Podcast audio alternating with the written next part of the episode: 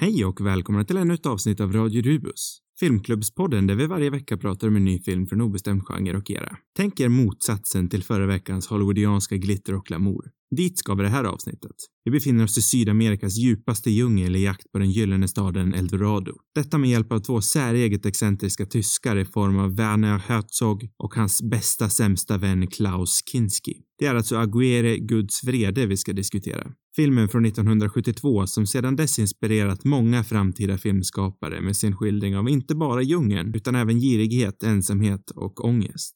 Filmen kommer vi som vanligt diskutera i spoilerfantastisk detalj, så kolla på den innan ni lyssnar. Annars så bussar jag Kinskis spöke på er.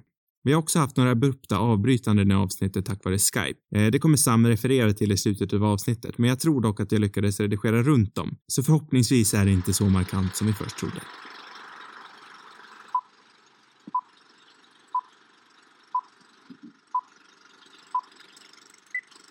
Eh, nej men det vart rätt färskt. Filmen alltså. Ja, det är, Jag antar att det var färskt för dig också. det är otroligt färskt. Mm. Verkligen typ en timme färskt bara. Ja, men nu har vi ju försnackat en lång stund så nu kanske vi har skingrat våra tankar. Mm. Ja, nu har vi haft ett otroligt långt och exklus- exklusivt försnack Mm. som ingen någonsin får lyssna på. Never. Eh, men eh, vi har alltså alldeles nyligen sett på Aguirre, Guds vrede, Mm. Från 1972 av Werner Herzog Ja, eh, med, med Klaus Kinski, Mm. grabben, mannen, myten, legenden Klaus Kinski i huvudroll. Ja. Wow.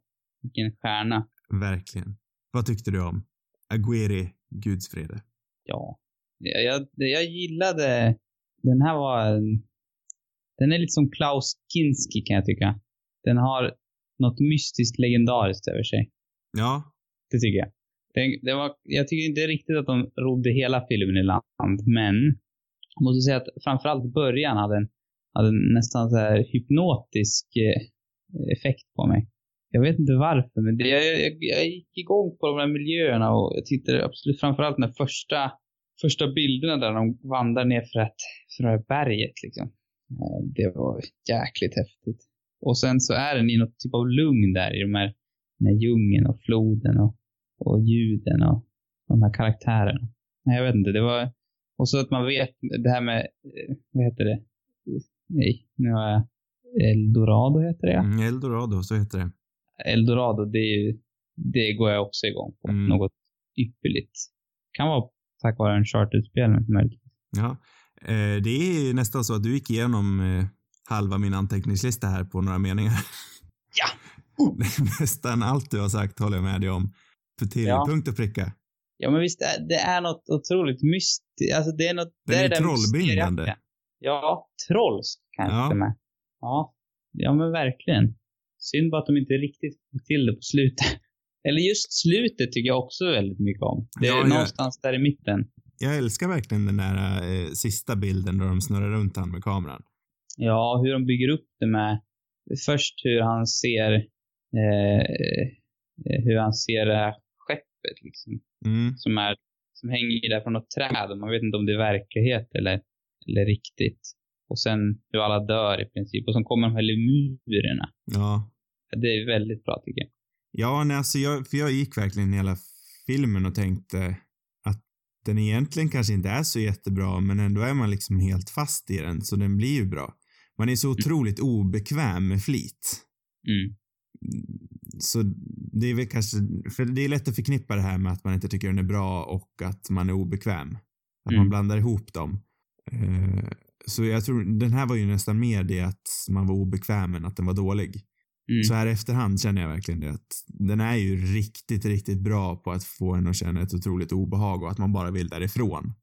Nej, jag vill inte därifrån. Jag vill vara kvar där. Djungeln. Du känner inte så alltså? Ja, jag känner lite som karaktären att det här, det här är inte trevligt. Det här, här vill inte jag vara. Jag, Mm. Oscar, vill tillbaka till den moderna tiden och inte 1500-talets Sydamerika. Jag vill liksom in i djungeln mer och upp för bergen och liksom in i indianernas gömmor och sådär. Jag kände mig väldigt, jag ville följa efter hon kvinnan där som går in i, Ja. i djungeln. Se vad hon tog vägen någonstans. Vad som hände med hennes liv. Kanske skapade sig en ny familj Jag i tror, skogen. hon är djungeldrottning där någonstans nu. Vem vet? Det är möjligt. Sen ska jag ju inte förneka att jag är ju fakt- jag var ju, jag insåg att det inte skulle hända men jag var ju lite sugen på att se Eldor- Eldorado. Ja, vänta. Vad är, vad är det? det är, nu får du... Det är Eldorado de är ute efter. Guldstaden. Jaha, nu trodde jag att du hänvisade till någon film här. Jaha. Ja, nej. du, man ville se Eldorado. Man ville Ja. se staden Eldorado. Ja. Jo, ja, det kan också... Sen så tycker jag det var bra att man inte gjorde det. Ja, det ja, var gud ja. ja. Så är det. ingen poängen såklart, men, men, men det fanns att, jag tror att på något sätt den, den, tappade mig lite grann. Delvis för att man insåg att man skulle inte få se Eldorado, tyckte jag, efter ett tag liksom. Och sen så var man lite trött på den här flotten. Det var väl delvis att man skulle känna med de här stackarna som åkte på den, men, men det saknades någon, någonting där tyckte jag i mitten. Som gjorde att jag tappade lite. Den, den, min trollbindning, den gick, så kanske man inte säger. Men jag kände mig inte lika trollbunden. Nej, nej men jag, jag förstår vad du menar. Eh, sen så vet jag faktiskt inte om det som är som jag sa, att det är med flit. Eh, sen så är, finns det säkert objektiva anledningar till att jag inte tycker att den funkar helt ut i mitten. Eh, men det var ingenting jag reflekterade över så. Men jag kan ju förstå känslan. Men, eh, den här en och en halv, när jag startade filmen trodde jag faktiskt att den här filmen skulle vara mycket, skulle kännas mycket längre än vad den var. Mm. Men den där en och en halv timmen gick ju igenom på nolltid.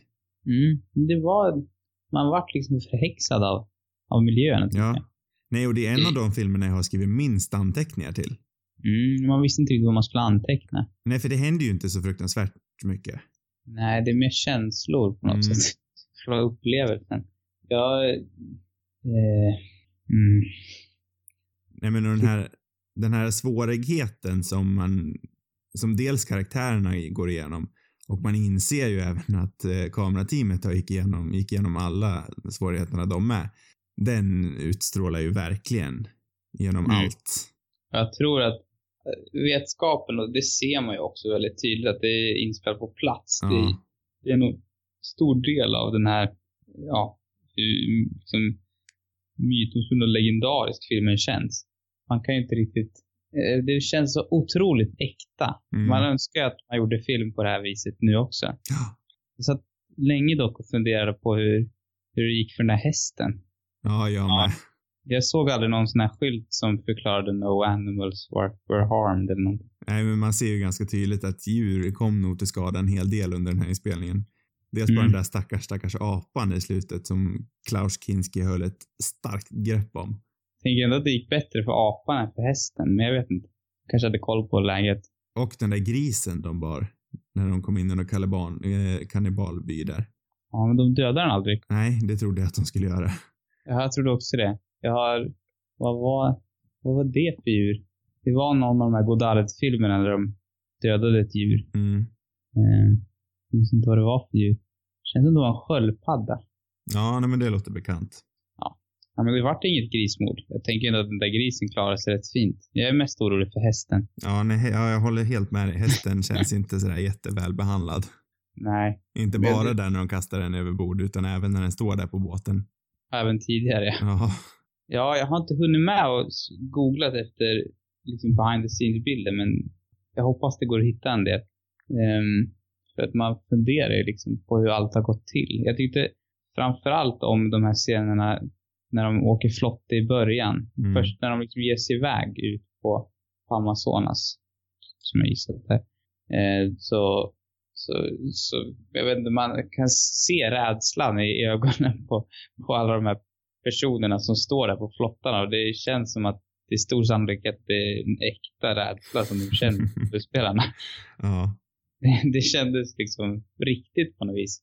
Och jag, jag tycker om att det tar tid och man får verkligen känna in den här miljön och det kan, de filmar liksom floden som forsar i en, ganska långa sekvenser och de här, ja, båtarna som sakta åker fram och det är just det där lugnet som jag gillar så mycket. Ja, och det är ju verkligen en film där man känner att eh, den här eh, det- nästan till amatörskapheten stärker ju sinnesstämningen. Den här handhålla kameran, allting känns ju väldigt billigt. Man förstår ju att det är ju Werner, Werner Herzog. Han står ju där bakom själv och filmar typ. Mm. Det är inte alls så många där bakom så, och det bidrar ju verkligen till känslan. Ja, ja det gör det. Det är en väldigt dokumentärig känsla på den där och det är det som gör det så äkta på något sätt. Man börjar jag har ju tyvärr, inte vad jag vet, någonsin sett någon Terrence Malick-film. Men jag kände mig väldigt sugen på den här. Han har ju gjort den om, om eh, typ Pocahontas tror jag. Eh, eh med, eh, vad heter han, irländaren. Känner du till den? Nej, det gör jag faktiskt inte. Det låter otroligt intressant dock. Christian Bale också, har också en roll i den filmen. Mm -hmm. eh, Colin... Eh, Farrell. Colin, Colin Farrell, ja. Eh, jag vet inte hur, liksom, vad den har, om den är ansedd vara bra eller så, men jag har, jag har sett liksom korta bitar av den och liksom lite, ja, jag har sett någon trailer och sådär. Den känns att den har samma typ av feeling. Och samma, musiken påminner också eh, i den tycker jag. Så det, jag kan tänka mig att den är lite inspirerad av denna. Ja, musiken var faktiskt ingenting jag reflekterade över i den här filmen. Men framförallt i början där så har den en väldigt atmosfärisk och hypnotisk musik tycker jag. Men sen är det ju mycket ljuden från, från naturen som mm. är också, som gör väldigt mycket. Um, The New World heter Terrence Malick-filmen. Ja, nej, den kan jag faktiskt inte säga att jag har hört talas om. Jag tror inte det är någon supersuccé, men jag kan tänka mig att om jag gillade den här och liksom den här hypnotiska känslan så tror jag att även att den kan vara någonting att se. Mm. Ja, nu om vi ska tala om andra filmer som vi kommer att tänka på så är ju den tecknade Eldorado-filmen. Nu kommer jag inte ihåg exakt vad den heter, men det är en tecknad Eldorado-film. Om två, det är en Dreamworks-film om två karaktärer som är på jakt efter den gyllene staden Eldorado i Sydamerika. Mm. Eh, och den är väldigt skärmig, om jag minns det rätt. Jag har inte sett den jag var liten, sen jag var liten, men jag har för mig att den var väldigt bra faktiskt. The Road to Eldorado. Ja, och så är det våra, en av våra favoriter, Kenny Branagh, som gör rösten. Oj, oj, oj. Den kanske också, vi kanske kan ha någon typ av lista på filmer att se. Ja, på Eldorado-filmer att se, eller Eldorado-inspirerade. Mm. Ja, det är nog inte helt fel. Nej. Det är, jag gillar den där, den mystiken över det. Det är otroligt bra. Liksom. De kunde ha gjort en, skulle ha sett en uppföljare kanske. Ja, alltså man, den, man blir, jag har aldrig sett eh, Fitzcarraldo heller. Nej. Man blir väldigt sugen att se, för jag blandar nog ihop den och den här lite grann, för man har ju talat om båda två och sett klipp från båda två. Men jag blandar mm. nog ihop de här två väldigt mycket i mitt huvud, för Fitzcarraldo tror jag också hade en väldigt problematisk produktion. Ja, den utspelar, eller vart utspelar sig den någonstans? Jag tänker att det är Sydamerika också, men jag kan ha helt fel. Jag har också tänkt, jag tänker att det också är på, på Amazonas. Mm. Jag vet inte om den här filmen var inspelad på Amazonas, men jag tror den var inspelad mycket i Peru. Ja. Eh. Nej men för det är på, eh, Klaus Kinski och eh, Werner Herzog var ju långt ifrån bra vänner. Och mm. det, det är på någon av eh, filminspelningarna som de började bråka rejält och en drog väl till med en pistol på den andra. Oj, det var jag, så illa. Jag antar att det är Fitzcarraldo, för den utspelar sig ju inte på 1500-talet. så jag antar att det var på den. Eh, men man blir ju inte förvånad när man ser Klaus Kinski i den här filmen att han har ett, ett temperament. Det är ju en läbbig person. Ja, den där manin han har i sina ögon, den är så otroligt autentisk så man inser ju liksom att han inte spelar. Folk måste ha varit rädda för honom. Verkligen, det tror jag absolut. Alla på den där, framförallt, framförallt han stackaren han, han kött ner. Ja, men också bara det, alltså vissa val han gör som skådespelare där när han till exempel eh, ett av fallen då eh, en kille där spelar eh, panflöjt. Mm. Och han liksom bara står där i en döstirr. Ja, I, i, en, I en stabil minut i alla fall. Nu ryker flöjten tänkte jag. men typ. Men det gjorde den aldrig. Nej. Och det känns Han verkade gilla flöjten. Det känns nästan som att Klaus inte var medveten om att det var med i bild och att Werner bara slängde upp kameran. Mm, det kanske var så. Ja. Eller till exempel när Klaus Kinski kastar ut den här brinnande kruttunnan i vattnet.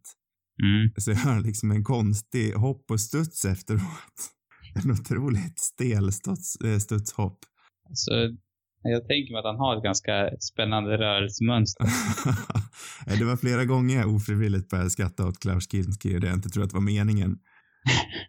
Bara hans ansikte kan man ju skratta i, ja, flera timmar åt. Ja, ja men personan Klaus Kinski har liksom en, den utstrålar en otrolig, en otroligt rolig mani. Även fast eh, om jag hade sett den i verkligheten hade du säkert varit livrädd. Ja, det tror jag. Tur han inte är med oss längre. Då hade det varit... Ja, det hade kunnat varit kört. Nej, men han är riktigt läbbig. det här är, det här är ju faktiskt den första Werner Herzog-filmen jag har, eller hans första spelfilm borde jag säga. Jag har sett väldigt många av hans dokumentärer. Mm. Eh. Jag har nog aldrig... Jag vet inte om jag har sett någon dokumentär heller. Det är rätt illa alltså. Men Inte jag vet i alla fall. Jag kanske har sett någon utan att veta om att det var hans. Men du kanske kan eh, påminna mig om några. do, några dokumentärer. Ja, eller har du sett någon du verkligen gillar? Eh, ja, eh, Grizzly Man tycker jag ju är hur bra som helst. Just det. Eh, och eh, nu kanske jag är lite dum som säger det där nu, men jag hade faktiskt tänkt att vi ska dubbeldippa Werner Herzog och kolla på vår första dokumentär till nästa vecka. Mhm.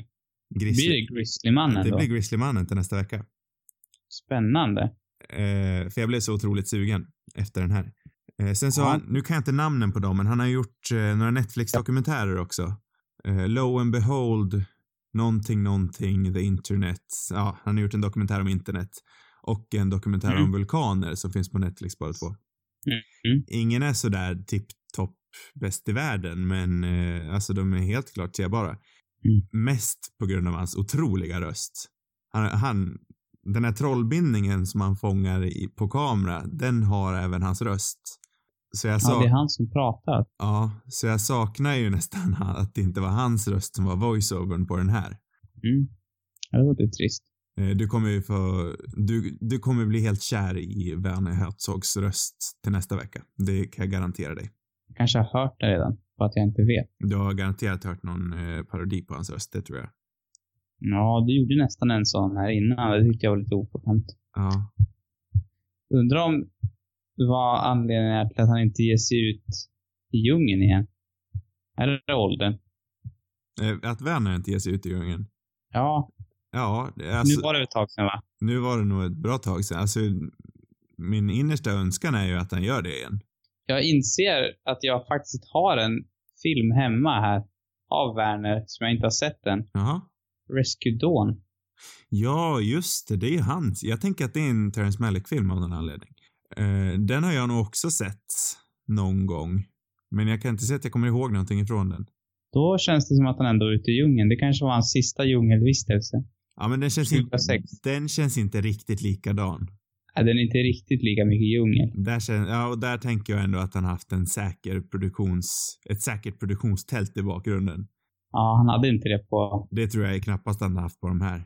Nej, man är otroligt intresserad. Alltså, det- undrar om det finns någon dokumentär som följer inspelningen av den här filmen. Det skulle jag gärna se.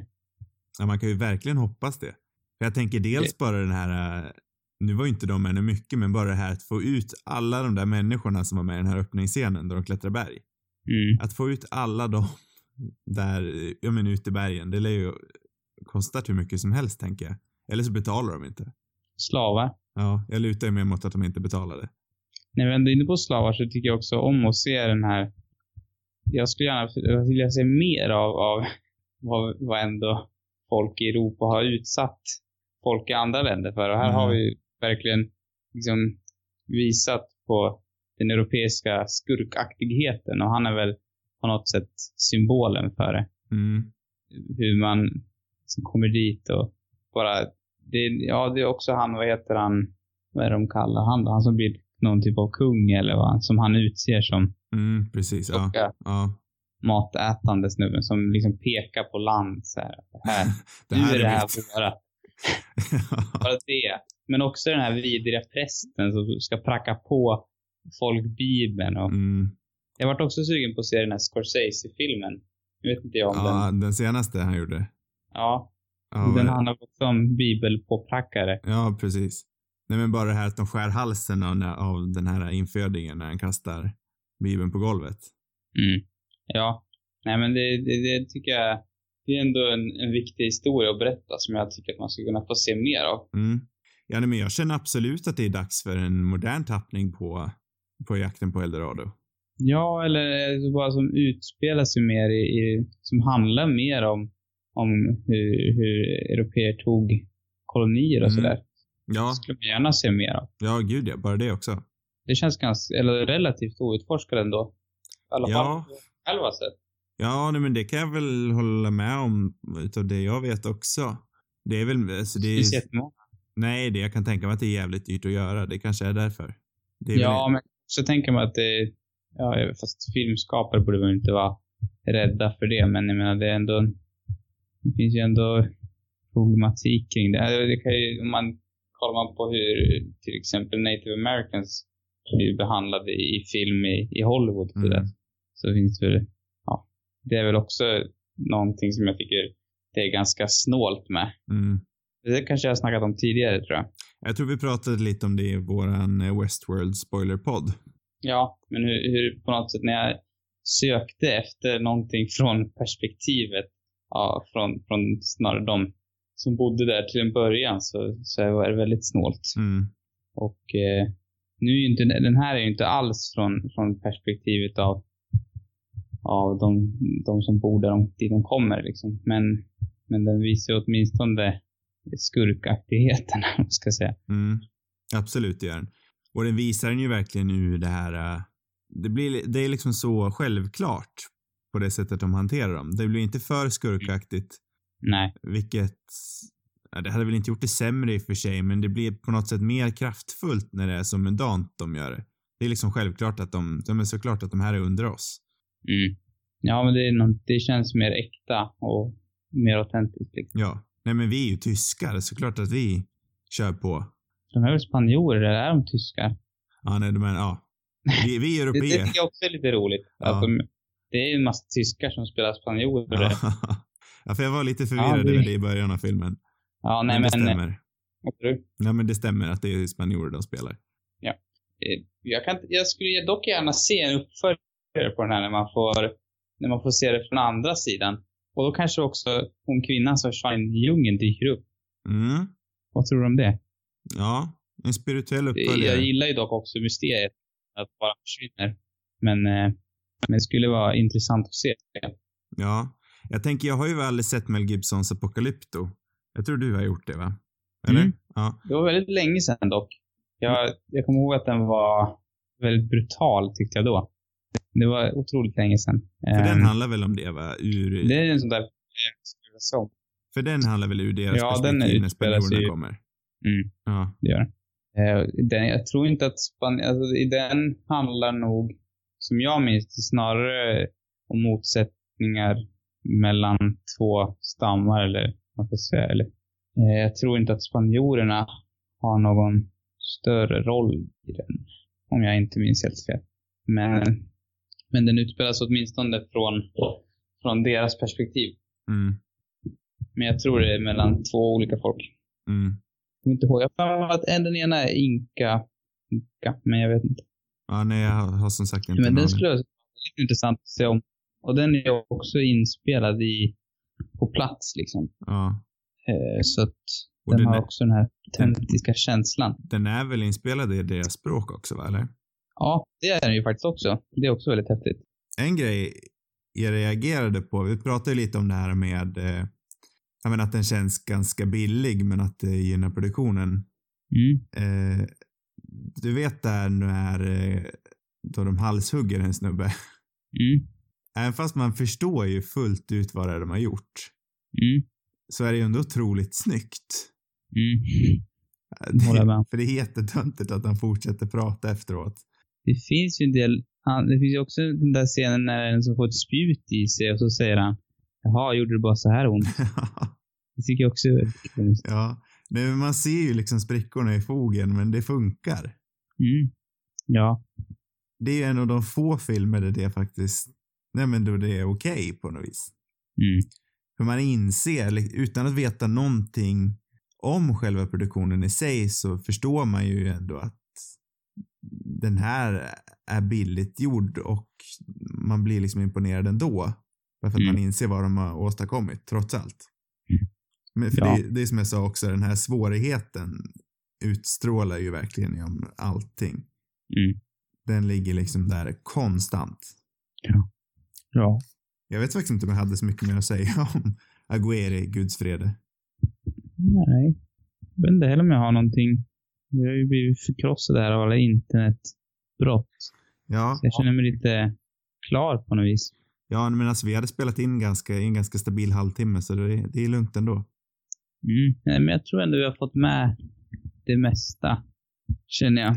Ja, nej men för som sagt, jag trodde att det skulle bli en svår film att prata om, men det visade sig att det var faktiskt inte det alls. Nej, det var, var bra att prata om faktiskt. Ja, och det- det är också som sagt, det är kanske inte den bästa filmen man någonsin har sett, men jag ångrar inte alls att jag såg den. Nej, den, det, det är väldigt mycket jag verkligen gillar med den. Mm, stark. Jag kommer komma ihåg den, det tror jag absolut att jag kommer göra. Ja, jag blir sugen på att se mer filmer i, som sig på samma plats också. Ja, jag blir speciellt sugen att se på Fitzcarraldo. Ja, verkligen. Nu är ju den mycket, mycket längre, så jag funderar om inte den blir lite mer tung, för den här känns inte så tung ändå. Nej, nej, jag kan tänka mig att den blir lite mer seg. Ja. För hur lång var den? Var den två och en halv? Mm, det låter rimligt. Jag vet faktiskt inte exakt. Ja, nej, men något sånt där är den i alla fall. Eh, men den här duon mellan Klaus Kinski och eh, Werner Herzog. Alltså det hatet utstrålar ju också genom, genom skärmen. Varför hängde han med ut i djungeln gång på gång? jag vet faktiskt. Så jävla konstig duo. Fruktansvärt konstig. Det finns även en film jag känner mig, ja men du, här kanske vi har någonting. Det finns en dokumentär som han har gjort som heter Min bäste ovän. Jo men du, det har jag nog hört talas om. Bilden på omslaget till den, eller, så den är rätt klockren. Är det. Werner som har gjort den eller? Mm, jag tror det. Det lät ju otroligt spännande. Mm. Antar att den är gjord efter Klaus bortgång kanske. Ja. Ja, Nej, men för man blir ju väldigt fascinerad av den här konstiga arbetsrelationen de måste ha haft. Mm. För de avskydde ju verkligen varandra. Ja, det var så. Ja, jag antar det i alla fall. Det det, det är så jag har tolkat det. Man ser det i ögonen på honom. Ja, finns bara hat. jag vet det baserat på det jag såg i Klaus Kinskis ögon. Vad fan gör jag här, tänkte han. Den här manin som vi pratade om, den, den kommer på grund av att Werner bara är någon meter bakom, bakom kameran. Mm. Det känns som att man skulle kunna sitta timmar och bara höra Werner berätta om, om inspelningen av den här filmen. Ja, ja det känns som det dokumentären. finns en, säkert en, ja, det finns nästan en bättre historia, historien om filmen än själva filmen. Ja, kanske. Men undrar om inte det värsta var bakom Fitzcarraldo. För jag, jag tror den handlar om att de ska flytta en båt eller någonting över ett berg. Ja, jo, Och det gör Och så gjorde de det i verkligheten och det skulle vara, det är tydligen till en helt, Ja, jo, delvis kanske, men jag tror också det är en, det är någon modellbåt också. Jag har ja. nämligen sett den. Jag tror jag såg den på en utställning i Berlin. För Spännande. att eh, det var, har, vi, har jag pratat om honom också? Det var en, nej det kanske inte alls gjort. Känd tysk filmfotograf som hade, nej det kanske inte alls var den. Nej, jag kanske ska ta tillbaka det. Men ja, det var en utställning i alla fall där den, där den båten var, det var delar av den båten var med. Ja. Men det är nog både en riktig och en modell. Ja. Ja, men det lilla jag har uppfattat i alla fall så tror jag att den värsta eh, vreden mellan de två, det var den, den, det hände under Fitzcarraldos inspelning. Mm. Men eh, jag är otroligt sugen att se den här dokumentären som du pratade om. Mm. Verkligen, den ska jag försöka leta reda på. Ja, nej, den, den är nog rätt så intressant tror jag. Ja, ja men då är vi väl klara med Ag Aguere, Guds vrede, från 1972. Mm. Eh, och nu har vi redan sagt det för ovanlighetens skull, men nästa vecka så ska vi kolla på, vi dubbeldippar i Werner Herzog och vi kollar på hans dokumentär Grizzlymannen Mm. från 2000 någonting. Eh, det ska bli väldigt, jag vet inte om jag kanske utsätter oss för lite svårigheter nu när vi ska tala om en dokumentär, men det ska bli spännande att pröva. det, det löser sig nog fint, fint tror jag. Det tror jag, för den, ändå, den har ändå en ganska bra dramaturgisk kurva, filmen, så jag tror vi kommer ha mycket att prata om oavsett. Mm. Eh, men det ser jag väldigt mycket fram emot. Ja, det gör även jag. Sam Svensson, tack för idag. Tack själv. Fler avsnitt hittar ni på cinemarubus.com. Vill ni skicka in ett förslag eller har ni frågor eller något sådant? Skicka in det till cinemarubus.gmail.com. Hej då! Eller godnatt som vi säger nu för tiden. Mm. God natt, Oskar. Godnatt.